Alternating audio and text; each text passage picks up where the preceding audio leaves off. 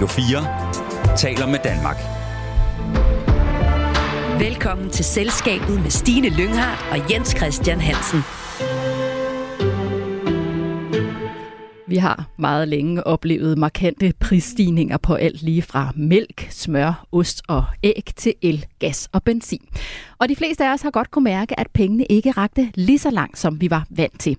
Men over de seneste måneder har inflationen faktisk taget et stort dyk, og i maj lå forbrugerpriserne blot 2,9 procent højere end for et år siden, viser tal fra Danmarks Statistik. Og det er første gang i 20 måneder, at inflationen i Danmark er nede under 3 procent.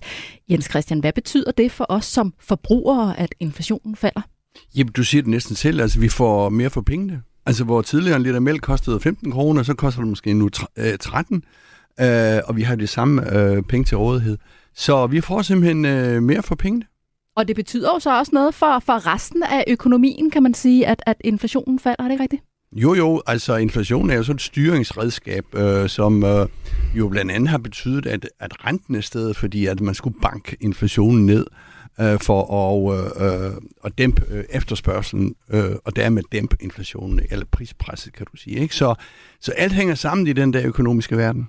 Men Christian, nu siger du, at øh, prisen på en liter mælk, den er faldet en smule, men jeg synes altså, når jeg går ned i et supermarked, så synes jeg altså virkelig ikke, at priserne er faldet særlig betragteligt. Så hvad er det egentlig for nogle priser, der er faldet? Ja, men altså, det har du jo ret i. Det der inflationstal, det er jo sådan et sammen, en sammensurium af mange forskellige øh, tal, og og jeg tror, at de fleste har en opfattelse af, at da, da, da inflationen steg, og vi kunne se det der samlede tal, jamen hovsa, så benyttede enhver lejligheden til at sætte prisen op på deres varer. Og det samme er ikke helt det samme på vejen. Det var ligesom, kan du huske, den der negative rente, at bankerne var meget hurtige til at indføre negative renter, men godt nok langsomt til at, øh, at genindføre de positive renter, da renteniveauet øh, skiftede. Så set fra et forbrugermæssigt synspunkt, så synes vi, at de, de handler lidt langsomt.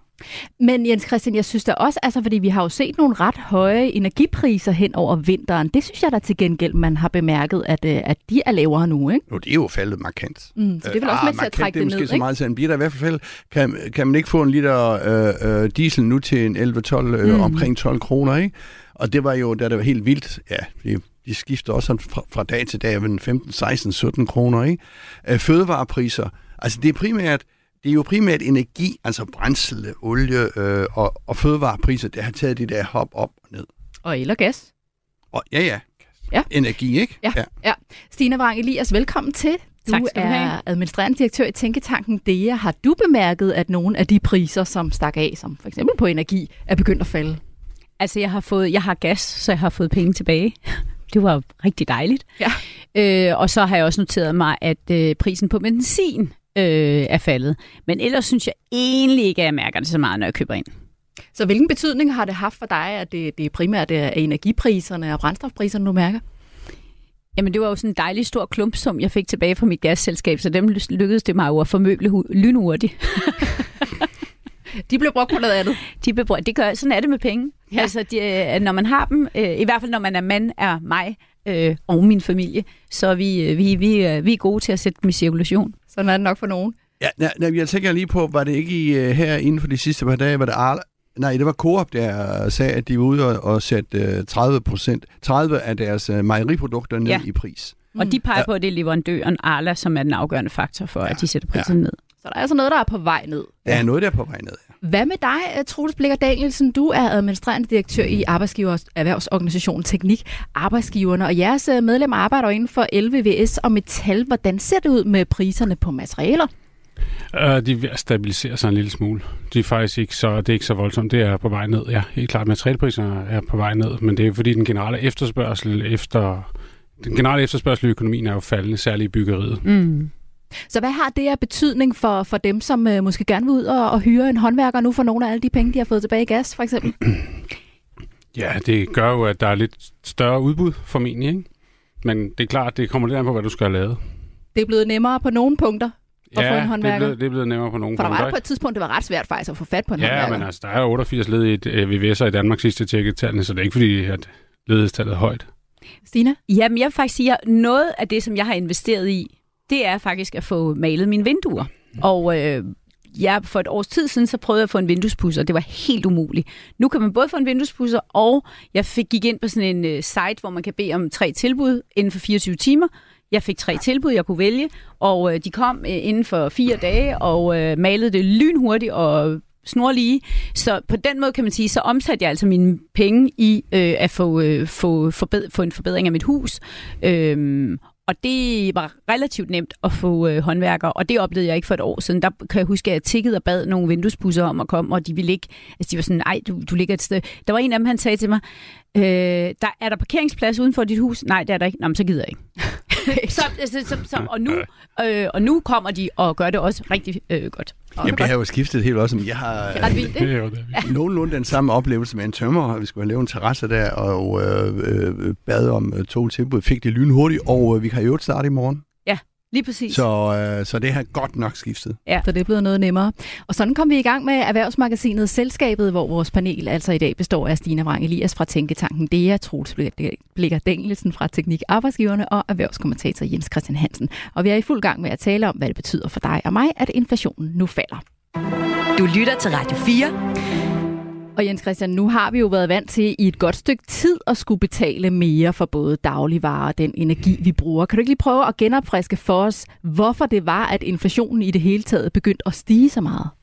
Det var nok et... Øh, jamen, det var jo flere forskellige ting. Det var selvfølgelig... Altså, det, det fik den store øh, øh, offentlighed til at åbne øjnene, det var jo selvfølgelig øh, energipriserne, der, der, der bragede afsted. Øh, samtidig øh, Øh, så har vi efter corona, forbruget var enormt højt i USA og vel også i Vesteuropa.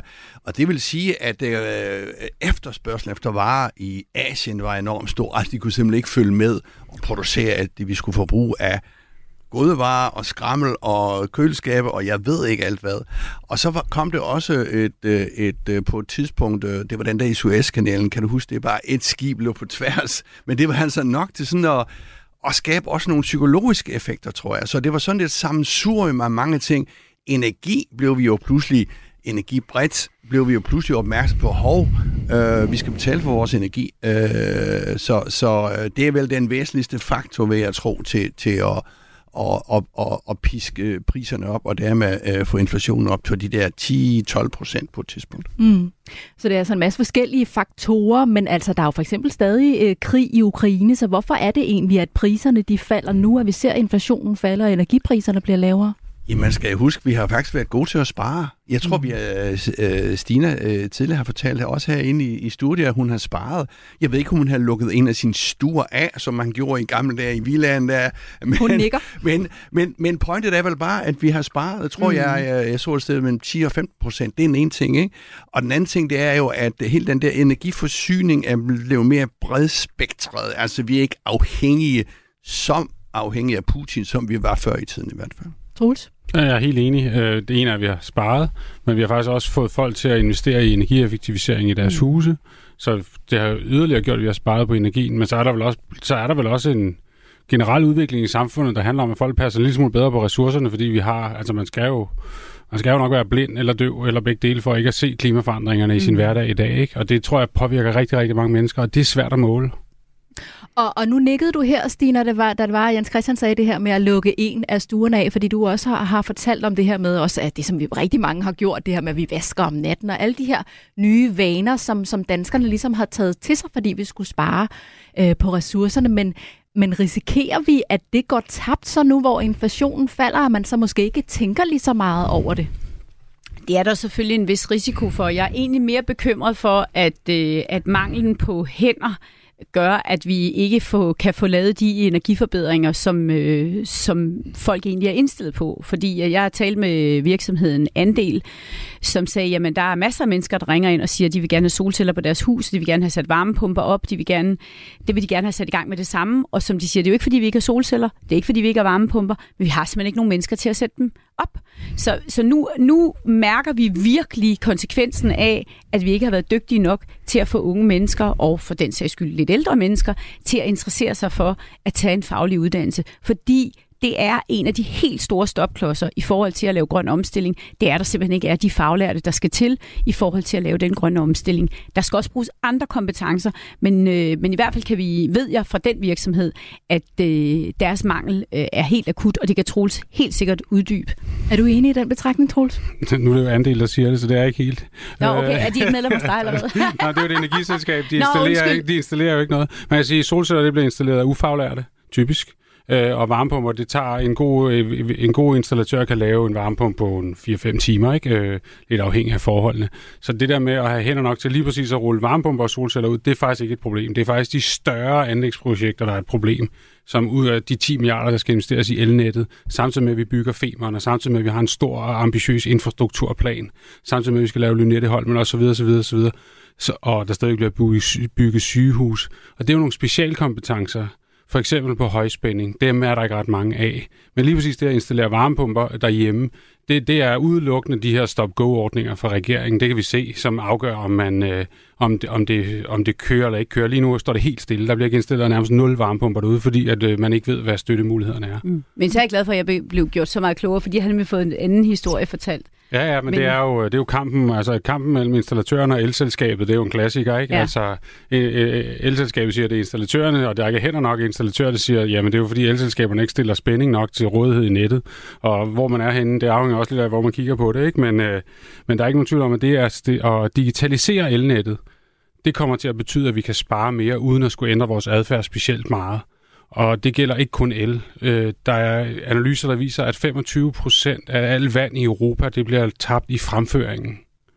Så det vil sige en Men hvad er fjerdedel det at digitalisere? Det forstår jeg ikke helt. Kan du ikke prøve at uddybe det, Ja. Troels? Fordi, Og digitalisere tænker bare- jamen, jeg tænker bare på, at der er en ledning, og så, så ja, kommer det, det, strøm. du skal jo øh. forestille dig, at vi lever i en verden, hvor at alt det, der er fysisk, det skal have et digitalt lag. Det er jo den transition, vi er igennem.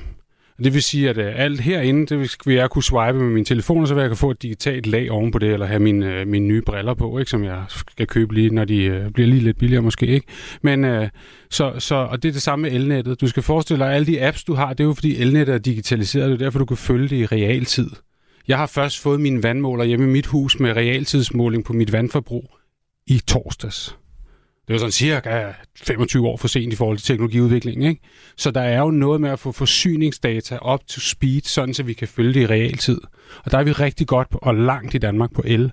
Men på vand og varme, der er vi et uland sammenlignet. Altså, vi kan ikke følge vores forbrug. du kan ikke følge dit vandforbrug i realtid. Mm-hmm. Men mindre du bor et helt bestemt kommune, der er nogle få kommuner, hvor det kan lade sig gøre. Men for størstedelen af danskerne kan man ikke, og heller ikke dit varmeforbrug. Hvis du bruger fjernvarme, så kan du jo ikke se, du kan jo ikke se, hvor varmt dit vand er. Og det, du bliver straffet for som, nu bliver det meget teknisk, men det, du bliver straffet for som forbruger i en stor bygning i København, det er, hvis vandet er for varmt, når det løber tilbage til fjernvarmeselskabet. Det vil sige, at fjernvarmeselskabet har ingen interesse i at sørge for, at du ved, hvad temperaturen er, sådan så du kan regulere den, sådan så du ikke skal betale en strafporto, for det er det, de lever af. Og nu fik vi så talt en hel del om, om energidelen, men jeg kunne godt tænke mig også lige at tale lidt mere omkring øh, supermarkederne, der jo, øh, som du også var inde på, Jens Christian, de var jo hurtigt ude og sætte priserne op, da inflationen steg, men det går altså ikke lige så hurtigt med at sætte dem ned igen nu, hvor inflationen dykker. Hvordan kan det egentlig være? Jamen, jeg tror da, at øh, altså, hvis man har et, øh, et, øh, et samfund, hvor konkurrencen er fuldstændig, så har de måske sat dem ned øh, hurtigere. Nu øh, bevæger jeg mig ud i noget, som øh, bliver min påstand. Men det er ikke alle steder, hvor konkurrencen virker øh, effektivt, kan du sige. Og så at, tror jeg da, at det er en masse udbydere af varer, der ser muligheden for at tjene ekstra skilling. Altså, jeg mener, det er jo også et markedsvilkår, kan du sige, ikke? Og så, jamen, hvor lang tid kan man holde den? Den kan man vel holde indtil konkurrenten over på den anden side af vejen sætter sin varer ned, eller, øh, eller, eller der sker noget i tredje, ikke? Så, øh, så øh, det er jo i sådan et, et markedsmæssigt konkurrencesamfund, der skal det et pres ind for at øh, få priser ned. Det er jo ikke noget, øh, øh, Coop og øh, Salling gør for vores blå øjnes skyld. Så de holder dem altså oppe, fordi de kan. Er du enig i den påstand, Stina? Det, det kan jeg simpelthen ikke, det kan jeg ikke gennemskue, hvad der er, hvad der er årsagen til, at inflationen ikke øh, falder hurtigere, end den gør. Øh, men det er jo Altså, hvad kan man sige? Det er jo klart, altså folk bliver ved med at købe mælk og æg og smør og den slags. Det er noget, man, det er noget, man skal have. Det er basisvarer. Så øh, hvis det går en lille smule langsomt med at sænke prisen lige præcis på de varer, som man, som man ikke kan selv kan vælge. Man kan, man kan jo lettere vælge til og fra, man vil have en bøf. eller om man vil have avocadoer, nøs to meget øh, øh, to produkter, der ikke er så gode i forhold til grøn omstilling. Jeg kunne vinde, men hvad det nu end er, man nu, som man ikke er total basisvare, så øh, altså, man kan jo ikke vælge, om man vil have mælk, for ret mange, altså ret mange husholdninger har brug for ret meget mælk, hvis du har små børn for eksempel. Tænker du, Troels, at supermarkederne vælger at, at holde den, priserne høje, eller, eller handler det noget andet? Nej, nej, altså det er jo fuldstændig veldokumenteret. Der er ingen konkurrence på detaljhandelsmarkedet i Danmark. Øh, det har Konkurrencestyrelsen jo vist i rapport efter rapport efter rapport de sidste 20-25 år. Men de siger jo også, at de høje priser stadig ligger ude hos leverandørerne, for eksempel. Ja, ja. De siger supermarkederne Det er jo en helt klassiker. Altså det er fuldstændig ligesom elselskabet og installatøren. Ja, ja, det er, så hvis du havde nogen andre, der stod og sagde noget, så... sådan, sådan er det. Altså, der er kun én måde at regulere det på. Konkurrence, konkurrence, konkurrence. Og man kan bare spørge sig selv, hvorfor ligger der ikke en Carrefour i Danmark? Det er, det er altså, fordi... Det, det franske supermarked. Det franske hypermarked, og det er jo fordi, vi har en planlov, der gør, at vi ikke kan have store supermarkeder i Danmark. Vi synes, det er fint nok, ikke? at øh, vi, vi har en masse små supermarkeder. Vi har jo, altså, kan du finde et andet land i verden, hvor der er så mange supermarkeder som i Danmark? Det er jo fordi, vi har regler om, at de ikke må være store, så der er mange små.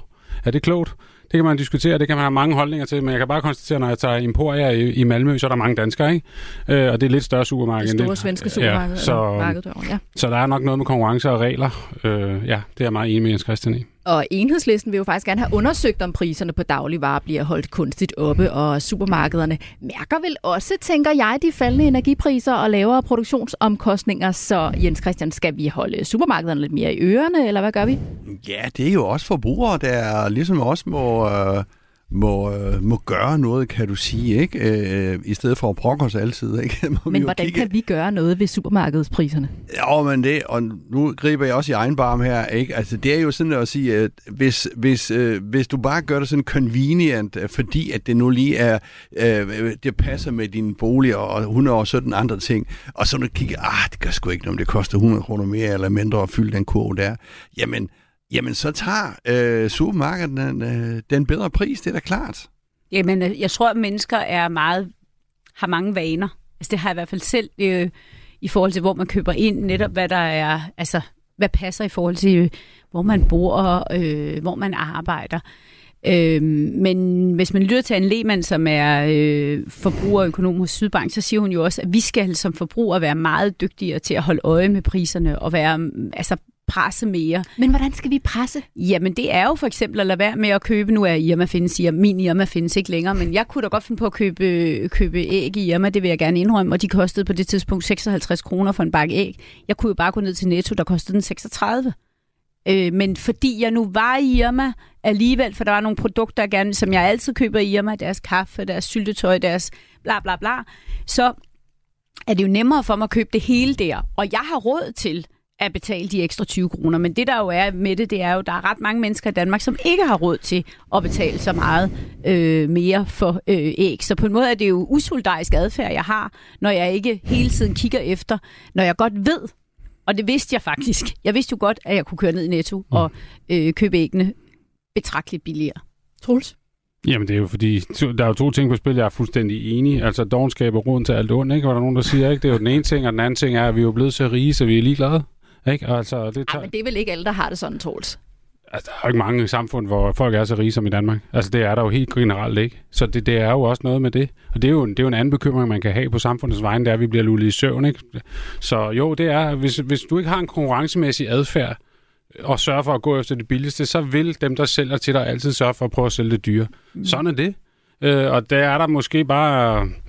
Ja, det er vaner, det er convenience, øh, det, det er der og for mange, som til. kan gøre, og for mange, som har råd til det, ikke? Fordi mm. at der er jo også, samtidig ved vi jo også, at der er jo også fattige i Danmark. Altså uanset om vi vil, det, vil, vil, vil se det i øjnene eller ej, så er der jo mennesker for, hvem 20 kroner er rigtig meget. Ja, ja, det er klart. Ja, jeg, jeg, jeg tænker bare på, nu er vi ude efter de der supermarkeder, og det, det er også, øh, og dem skal jeg ikke forsvare overhovedet, men jeg kan da konstatere i hvert fald, at Coop, øh, som jo er det, den, den store kæde, der har det rigtig skidt, uh, Selling Group måtte uh, justere deres overskud ned med ja, så en på den milliard. måde tjener de vel ikke fede penge? Nej, altså. uh, så, så ikke for at forsvare dem, fordi det kan være mange andre ting, ikke? Men, men, men, men altså, profitten har ikke været så stor øh, de sidste år, som den har været tidligere. Det er jeg enig i. Men man kan også bare sige, at deres evne til at effektivisere deres forretning går også lidt langsomt. Ikke? Altså, øh, jeg har stadigvæk ikke mødt en robot, der stiller varer på plads i Danmark. Det, det er jeg sikker på, at du kan finde andre steder i verden. Og jeg synes stadigvæk, at de der betjent selvkasser, dem kunne de godt arbejde lidt mere med, ikke? Altså, så, så der er jo også noget med at turde ændre deres vaner. Det er jo, man har jo indtryk af, at det er ekstremt medarbejder tungt organiseret, og det tænker jeg på, at det kunne de godt gøre bedre. Og det er jo, hvis der er mange på arbejdskraft, og vi skal have et mere effektivt samfund og nogle lavere priser, så skal der være færre mennesker. Nu kom vi lidt ind i, i organiseringen af supermarkederne her, men jeg kunne egentlig godt tænke mig lige at tale om en anden del i forhold til, øh, til inflationen, fordi Jens Christian, vi har jo set, at øh, renten er blevet sat op i et forsøg på at tøjle inflationen flere gange. Hvad øh, forventer du, at der vil ske med renten nu, hvor vi ser inflationen falde?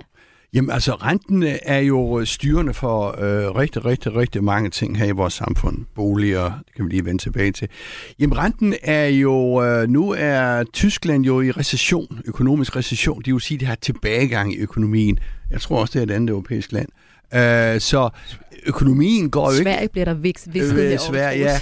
Okay, øh, så økonomien går jo ikke bravende godt. Og det, kan, øh, og, og det vil sige, at øh, renten nu er, er på vej ned, fordi inflationen er på vej ned. Øh, altså jo, øh, du, du sætter jo renten op for at, at, at hæmme øh, øh, forbruget og efterspørgselen. Ikke?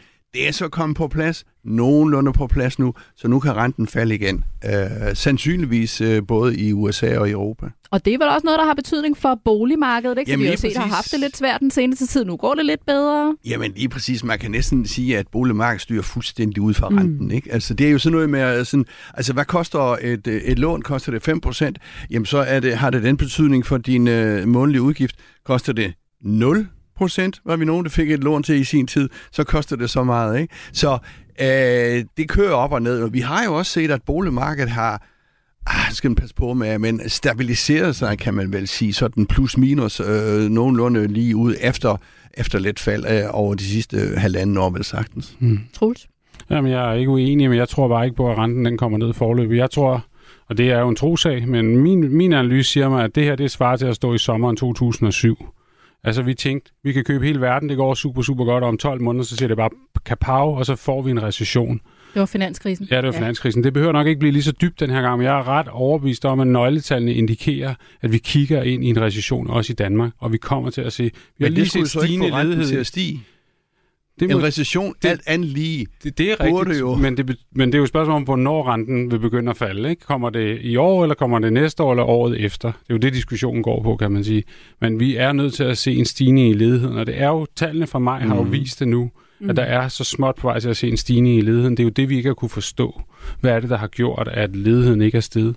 Det tror jeg kommer. Jeg tror også bare, at de her snakke, vi har haft om håndværk og sådan noget, det er starten på, og det, der sker i Tyskland, mm. det plejer vi altid at følge en til en. Der kan være nogle faktorer i Danmark, der trækker i den anden retning, men jeg tror, det bliver grimt. Mm. Hvad er dine forventninger, Stina, til den kommende tid, hvis vi ser både på, på recession, vi ser på inflation øh, den, den kommende tid her? Hvad, hvad, hvad er dine forventninger?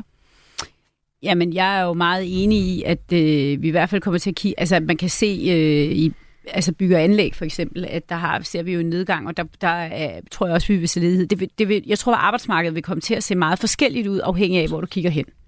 Øh, så vi vil komme til at se øh, ledighed blandt øh, håndværkere, for eksempel, som vi ikke har set en periode, men jo altså øh, tallene for, hvor mange sosuer vi for eksempel kommer til at mangle, er helt ekstreme. Øh, det, det, øh, det, det går kun én vej, for der er ikke særlig mange der er ikke særlig mange sosuer, og der er rigtig mange ældre, og hvem er det, der skal øh, passe dem? Øh, jeg havde et møde med øh, Københavns øh, borgmester, øh, som blandt andet okay, sundhedsborgmesteret, og hun sagde sådan, jamen altså, hvis du er ældre i Københavns Kommune, så skal du simpelthen være indstillet på at selv gøre rigtig meget øh, som pårørende, for der er ikke nogen sosuer. Mm.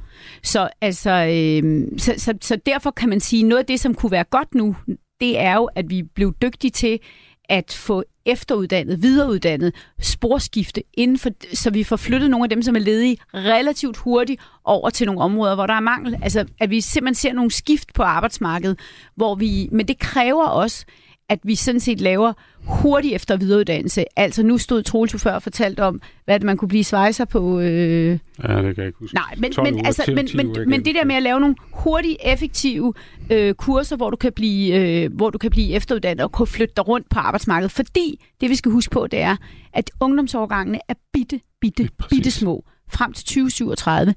Ultrasmå.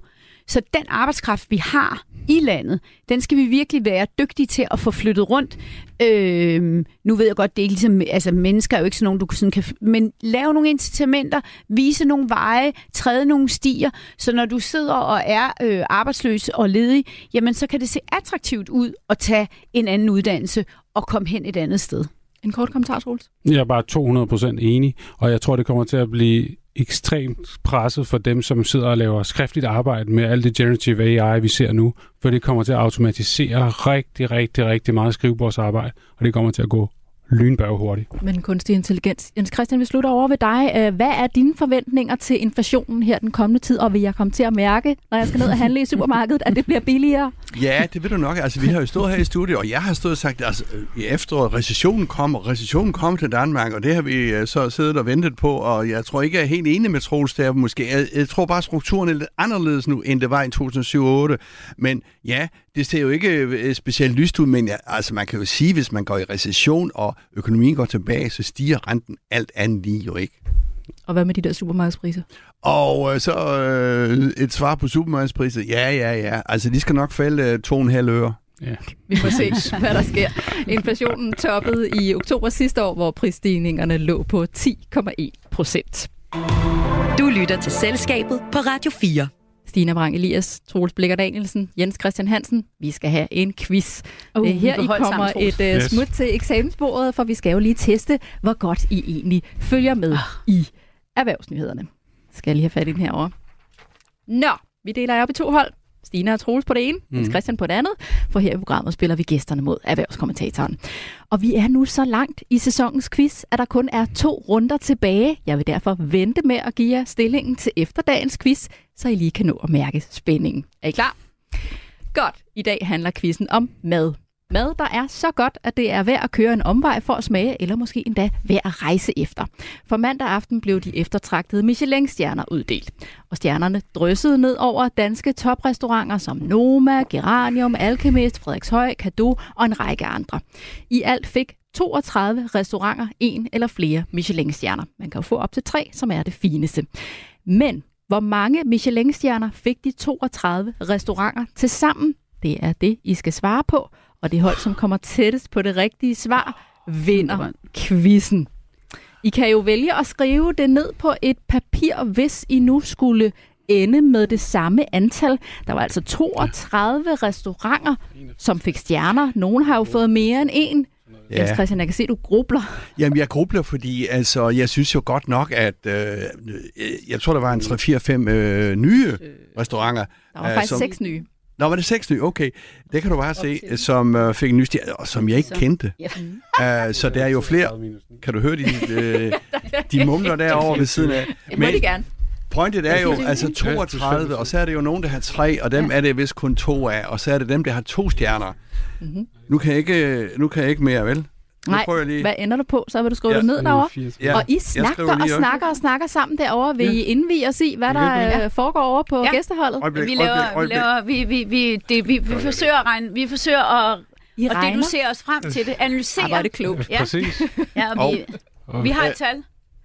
Jamen, jeg har det rigtige tal. Nå, Ja, okay. nu har I, ja, begge to har skrevet et tal, ikke? Ja, Godt, fordi bare hvis det er det samme. Hvad har I skrevet? vi har skrevet 44. 44, siger gæsterne. Og hvorfor var det lige præcis 44, I Vi, på? øh, vi regnede med, at der var en, der fik tre. En restaurant fik tre Michelin-stjerner. Og så regnede med, at otte restauranter fik to, og resten fik en. Og så det på Ja, 44. det tror jeg altså, jeg, jeg, jeg, i Jens overkanten, det der. Øh, jeg skal nok komme frem til mit, øh, mit tal, øh, og, og, du har jo tallet. Nej, jeg er faktisk kun på øh, 38. Jeg mener kun, det er to, der har tre stjerner. Altså Noma og, kan I ikke huske, det er? Gæsterne Vi sagde, vi sagde en. Ja, I sagde kun én. Ja, Ja. Geranium har Jeg synes, jeg tre er otte. stjerner, ikke? Men jeg tror kun, det er tre, der har to stjerner så. Ej, Det korte og det lange, det er, at jeg er frem ved 38. Du er på 38. Godt. Jeg skriver bare lige sådan helt i al hemmelighed ned til mig selv her, hvem det er, der lige øh, får pointet her. Nå, det skal I selvfølgelig også få at vide. Gæsterne er tættest på, Jens Christian. Yes. Yes. Bum. Fordi de var faktisk ret skarpe. De 32 restauranter har efter årets uddeling i alt 45 Michelin-stjerner. Og det var fandme ikke undskyldningssprog. Og nu skal, I, nu skal I høre, fordi der var faktisk, Jens Christian, der var flere, der havde to stjerner, end du lige troede. Nu skal I høre. Der var to restauranter, som har fået tre stjerner. Okay. Der var ni restauranter, som har fået to stjerner, og 21 har fået en stjerne. Og det er lidt flere end i øh, 2022, hvor 29 danske restauranter fik i alt Det er da meget godt. 41 Vi er godt Michelin-stjerner. Ja. Jeg tror, vi er vandt, uh, Jens Christian. Ja, vi er relativt godt tilfredse herovre. Der Ja. blev Jeg kom endda stille til at bande. over Jeg har ved- stadig ikke tabt. Det vil jeg bare sige. Jeg har ikke prøvet at tabe den her. Altså, jeg har, det har, jeg har prøvet at tabe. Jeg har også prøvet at tabe på sådan noget fuldstændig, hvor jeg bare tænkte, jeg vil aldrig være med i en quiz mere. Jeg var så meget, altså jeg var så off, så det var, jeg nærmest bare måtte gå bagefter. Ej, jeg synes måske faktisk, det er Jamen, okay, jeg er fuldstændig rystet. Så. Ja. Er det, hvad Er siger du, du? du Er det, rystet? ja, altså, hvad sagde du? Var det to, der havde øh, tre stjerner?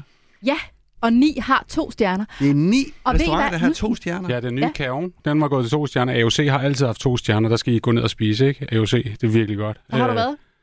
Ja, jeg, har, jeg kender ham, der har den. Nå, okay, jeg, jeg tænker også, der var et eller andet, der var et eller andet, der et eller andet den slags anbefaling. Ja. Ja. Øhm, og det, det er de to, jeg kender. Og så kunne jeg jo høre alle de navne, du kom med, så gav det jo hurtigt 8 op i mit hoved. Mm. Har du prøvet at spise på Michelin-restaurant, Stina? Ja, det har jeg. Ja. Ja. Men ikke så Hvordan var tit. det? Men, øh, Det er ikke hver fredag. Det er ikke hver fredag, nej. Jamen, altså, jeg synes jo, det er en meget stor... Altså, det er en, det, jeg synes typisk, det er en meget stor oplevelse, fordi at der, der er... Det er en... Det er mere end bare at spise, vil jeg sige. Det er sådan en fuld... Øh, Ja, det er jo en kunstoplevelse. Ja, det er altså, det. Søren, min Ja. kammerat, der har de to stjerner nede på AOC, det er, det er kunst, det han laver, det er Ja. ikke mad. Han er sikkert glad for den anbefaling Ja, hernede. det er godt sned ind. Ja. Jens Christian, jeg skal lige øh, spørge dig, fordi noget af det, som faktisk er ret bemærkelsesværdigt i år, det er, at øh, som vi også var inde på før, der er seks nye restauranter, og de fem af dem ligger uden for København. Ja. De ligger i Herning, i Akker i Nordjylland, i Lønstrup i Nordjylland, Odense og Vejle. Og, og altså Lønstrup og, og Akker er jo nogle ret små byer. Hvad betyder det egentlig for, for dem? Jamen, det betyder sindssygt meget, og øh, jeg tror også, og nu kommer jeg til som københavner og, og, og sige noget, som øh, man måske ikke øh, synes er så rart, men det er jo fordi, at København har trukket hele det der gastronomiske marked de sidste 20 år, og derfor spreder øh, ringene sig i vandet, så det øh, også kommer ud til de gode restauranter ude i provinsen. Og hvad Så det er betyder jo- det for dem? Altså det Jamen, betyder det noget tror for jeg, sådan da, et samfund? ah, jeg tror heller ikke, man skal give det... Altså, der kommer jo nogle flere turister ud og, og sådan noget. Jeg tror ikke, man rejser efter noget i lykken øh, for, øh, fra den anden side af verden. Det tror jeg altså ikke på. Men selvfølgelig, altså, det giver jo noget stolthed, og det giver noget aktivitet i et øh, lokalt samfund, ikke? Tror du det, Troels, at man vil rejse for at, at spise i Lønstrup for eksempel? Ja, det tror jeg. Øh, helt klart. Altså, øh, jeg, jeg ser det her lige så meget som et udtryk for, at Danmark har lykkedes at knække den der turismekode. Jeg ved ikke, om det er rigtigt, men jeg har hørt, at Danmark er det land, der er øh, fået den højeste vækst efter corona på turisme. Og det er ikke kun København. Jeg er enig, mm. Jens Christian, jeg er også københavner, jeg mener, at København trækker alt i Danmark og bliver undervurderet helt vildt. Men, men øh, det er, jeg har også forstået, at de har knækket koden over på Vestkysten. Efter mange svære år, efter tyskerne kørte til Østersøen, så er det lykkedes dem virkelig at få et comeback her de sidste to år, som jeg forstår det. Og de kører fra de der restauranter. Det tror jeg ikke, man skal undervurdere. Stina? Jamen, jeg ser det også i et lidt andet lys. Øh, for et par sommer siden, der læste jeg en bog, der hedder øh, Our Towns, som handler om, hvordan øh, amerikanske byer, som har været gået fuldstændig ned, fordi fabrikken er lukket, fisken er fanget. Hvad, hvad er det så, der genrejser dem? Og noget af det, der gen, altså noget af det, man kan måle det på, det er, om der kommer sådan en lokal bryggeri, eller for eksempel en god restaurant. Nu kommer jeg jo fra Møn, øh, hvor jeg er vokset op, og det, man kan se på Nordfalster lige nu, er jo, jamen, der er Pomlenakke, der er Hesnes Havn, der er også ude ved Clinton Havn, er der også kommet en virkelig, virkelig, virkelig, virkelig god restaurant. Øh, den hedder nummeret på en fiskekutter, hans fars fiskekutter, jeg kan simpelthen ikke huske, hvad nummeret er.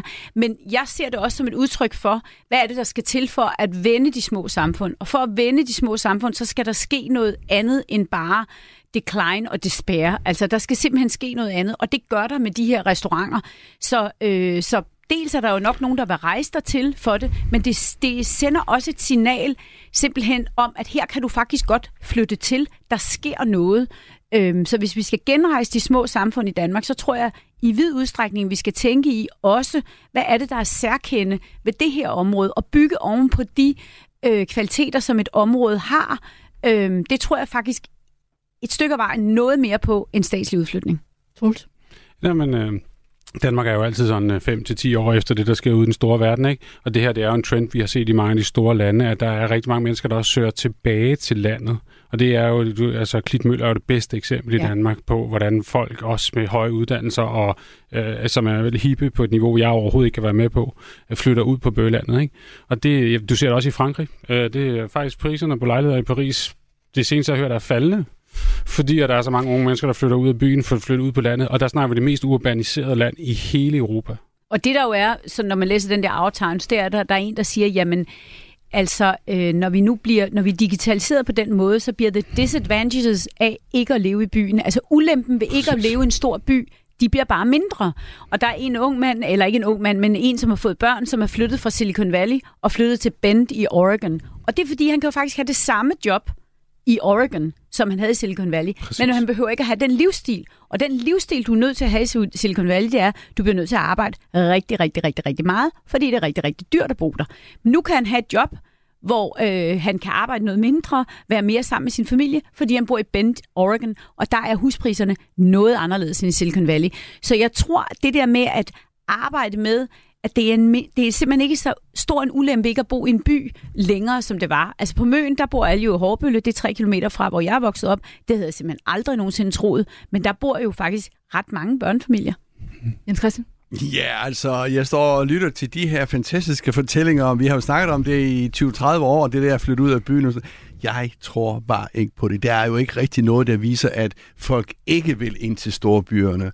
Men der er selvfølgelig mange øh, gode enkelthistorier, og, og de bliver stort set fortalt alle sammen. Jeg tror, hvis man går ind i statistikkerne og ser på tilflytninger til og fra metropolerne herunder København, Aarhus selvfølgelig, og de større byer, så vil man se, at det er stadigvæk, der flytter ind til, til byerne. Og så er der nogle enkelte, der flytter ud, og de historier hører vi hver gang. Men jeg håber da, at, det er, at jeg tager fejl, og at det er rigtigt, at det er sådan en folkevandring ud af byerne. Det tror jeg ikke, der er ikke nogen folkevandring ud, men jeg kan i hvert fald sige, at der er en tilvækst af men unge mennesker, der flytter til. Præcis. Vestmøn og til, og til Nordfalster. Og det er jo fordi, der er nogen, der kommer tilbage og gør noget.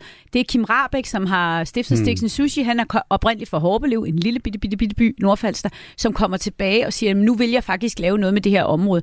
Det kan godt være, at det ikke er... Øh, altså, det er klart, selvfølgelig er der også urbanisering øh, i Danmark. Helt Når vi laver undersøgelser af, hvor vil unge mennesker gerne studere, de vil helst studere i de øh, i storbyerne. Og vi kan også se, at provinsbyerne går faktisk utrolig godt i Danmark. Provinsbyerne går altså faktisk meget bedre, end folk de går og snakker om, eller der er en bevidsthed om. Men jeg tror bare alligevel øh, godt på, at der kan være øh, en, en, øh, en mulighed for kommunerne at tiltrække dem tilbage igen. Men det kræver, at de investerer i for eksempel gode dagtilbud, gode skoler. Det er noget af det, der skal til, øh, for at man kan få børnefamilier til at flytte ud. Og så hører jeg altså også sige, at det er godt, at der ligger en, en god restaurant. Og Jens Christian, vil godt lige sige det her med, at du lige tvivlede på, om folk vil rejse for at spise godt. I 2022 var der 1,9 millioner såkaldte gastroturister i Danmark, og det er en stigning på 49 procent sammenlignet med Og hvor mange af dem var i 2017. København? 17.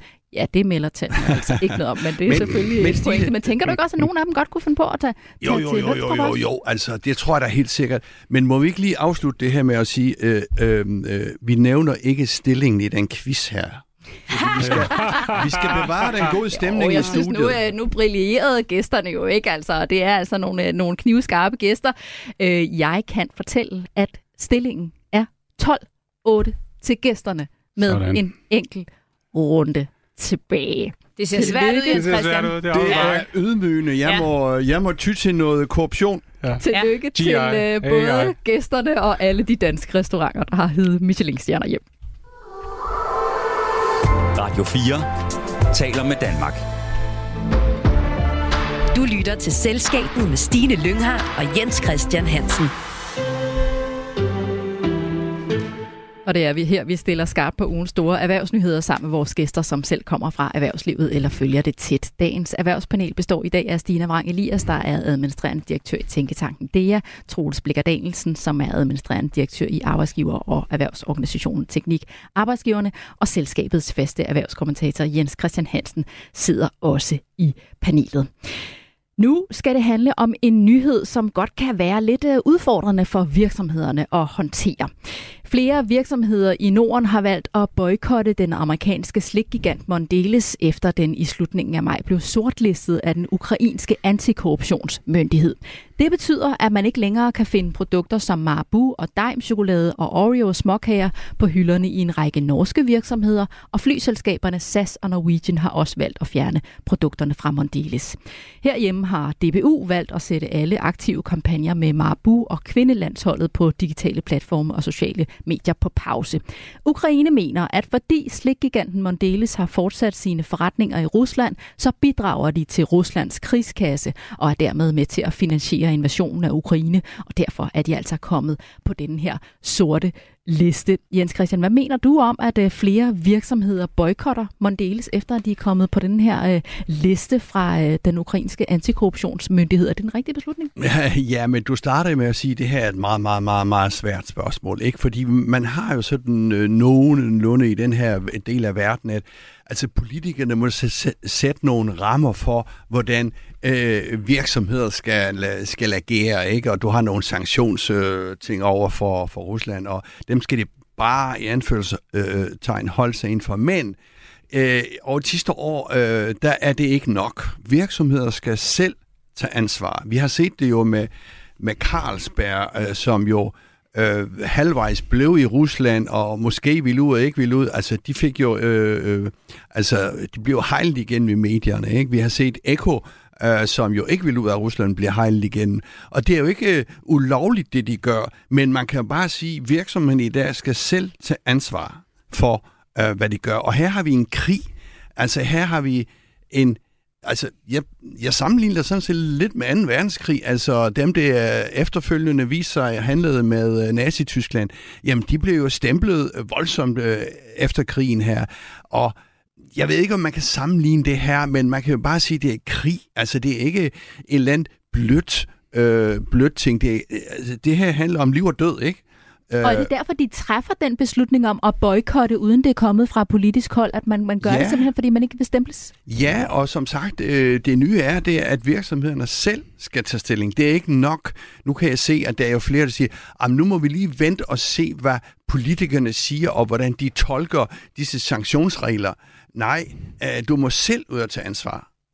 det er i hvert fald den, den udvikling, der har været over de seneste 5-10 år. Hvad mener du, Stina? Er det en rigtig beslutning, at der er nogle virksomheder, der går ind og boykotter den her slikgigant? Altså, jeg synes jo, det er i hvert fald en måde for en virksomhed at, at melde en holdning ud og, øh, om, om nogle værdier. Så kan man jo så være enig med de værdier eller uenig, men det er jo en måde at tage aktiv stilling. Jeg står bare, jeg står bare og tænker i på hele det. Jeg, jeg synes jo, at jeg egentlig har levet en tid, hvor, hvor det var ret, altså hvor vi selv som forbrugere boykottet ret meget. Altså, jeg voksede op dengang, hvor man ikke kørte ind på en shelltank, og man kørte ikke noget... Altså, købte vi købte ikke fransk vin, så? Købte, ja, det, man skulle ikke købe fransk vin i en periode, og så var der også det med Sydafrika, altså så mm. længe der var apartheid. Jeg kan huske, vi havde lange diskussioner, øh, da jeg gik på universitetet. Kunne man høre Paul Simons musik, eller kunne man ikke, for den var optaget i et studie øh, i Sydafrika. Så jeg synes egentlig, jeg er vokset op med, med at det er, et, et, øh, det er en måde, en forbruger kan træffe et valg eller ikke træffe et valg. Og jeg synes jo også, at en virks- det her det er en måde, en virksomhed kan signalere, jamen det vil jeg, det vil jeg ikke. Øh, her, til, her går vores etiske grænse. Øh, Men det er vel også en noget større beslutning, tænker jeg, at træffe som virksomhed frem for som forbruger. Det er vel nemmere at træffe beslutningen som forbruger? Ja, ja det, det, det, men, men der må jo være nogle ledelser af de her virksomheder, som siger, som jo egentlig betragter deres virksomhed på samme måde som en, en hvilken som helst anden organisme det her er en organisme, som har nogle værdier, og de værdier står vi på mål for. Så SAS siger, jamen vi vil ikke øh, servere det slik, som kommer fra den her koncern, fordi de er på Ukraines antikorruptionsliste. Det er jo aktiv stillingtagen. Mm. Og det mener jeg egentlig faktisk, at det tror jeg, at mange virksomheder, det er noget, som, som, som mange virksomheder i stigende grad bliver nødt til at, øh, at forholde sig til, fordi det er noget andet i dag, end det var tidligere.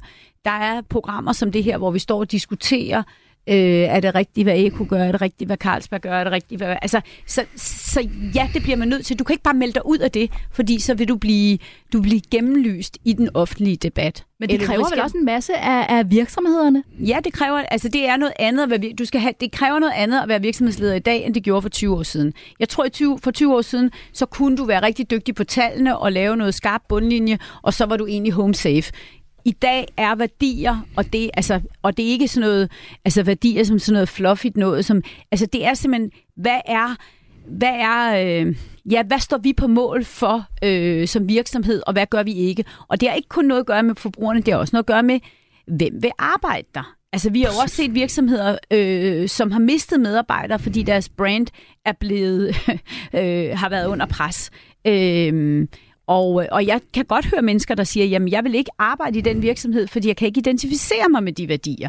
Så, så på den måde er værdier noget, der gennemsyrer øh, alle på en helt anden gennemgribende måde i dag, vil jeg sige. Troels, øh, hvordan vil du selv have forholdt dig til den her liste fra Ukraine, hvis du øh, havde en virksomhed, der havde produkter på, på hylden fra nogle af de her øh, virksomheder, der er på den liste?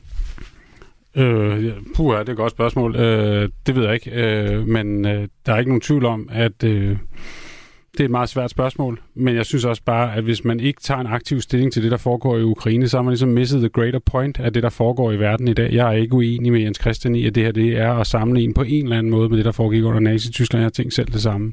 Og de virksomheder bliver jo bare ramt på et senere tidspunkt. Mm.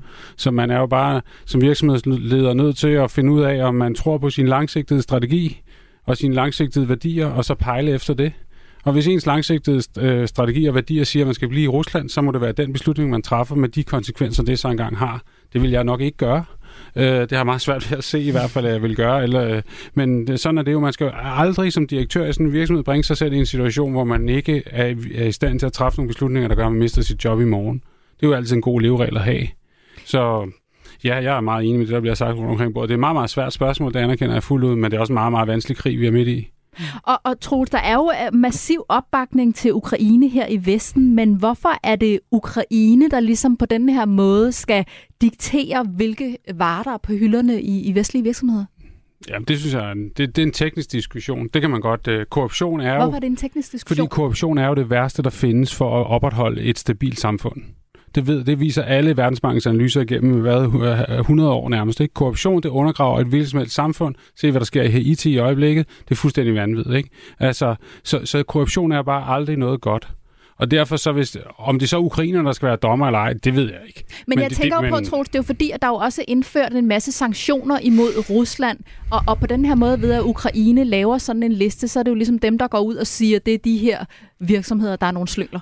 Jo, jo, problemet er bare en offentlig debat, der er ikke nogen, der skælder mellem, om den liste kommer fra EU eller fra Ukraine. Det er man nødt til at dykke ned i, det har jeg ikke undersøgt, inden vi kom ind her i dag. Men det er klart, hvis det er noget, som EU står på mål for, og som den danske regering står på mål for, så mener det er no-brainer. Men, det er jo ikke, men der snakker vi jo om, hvordan det der slikfirma, jeg ikke kan udtale navnet på, hvad de gør. Men hvad SAS gør, har jo intet med de der lister at gøre. Det har noget at gøre med, hvad for nogle værdier de har. Mm.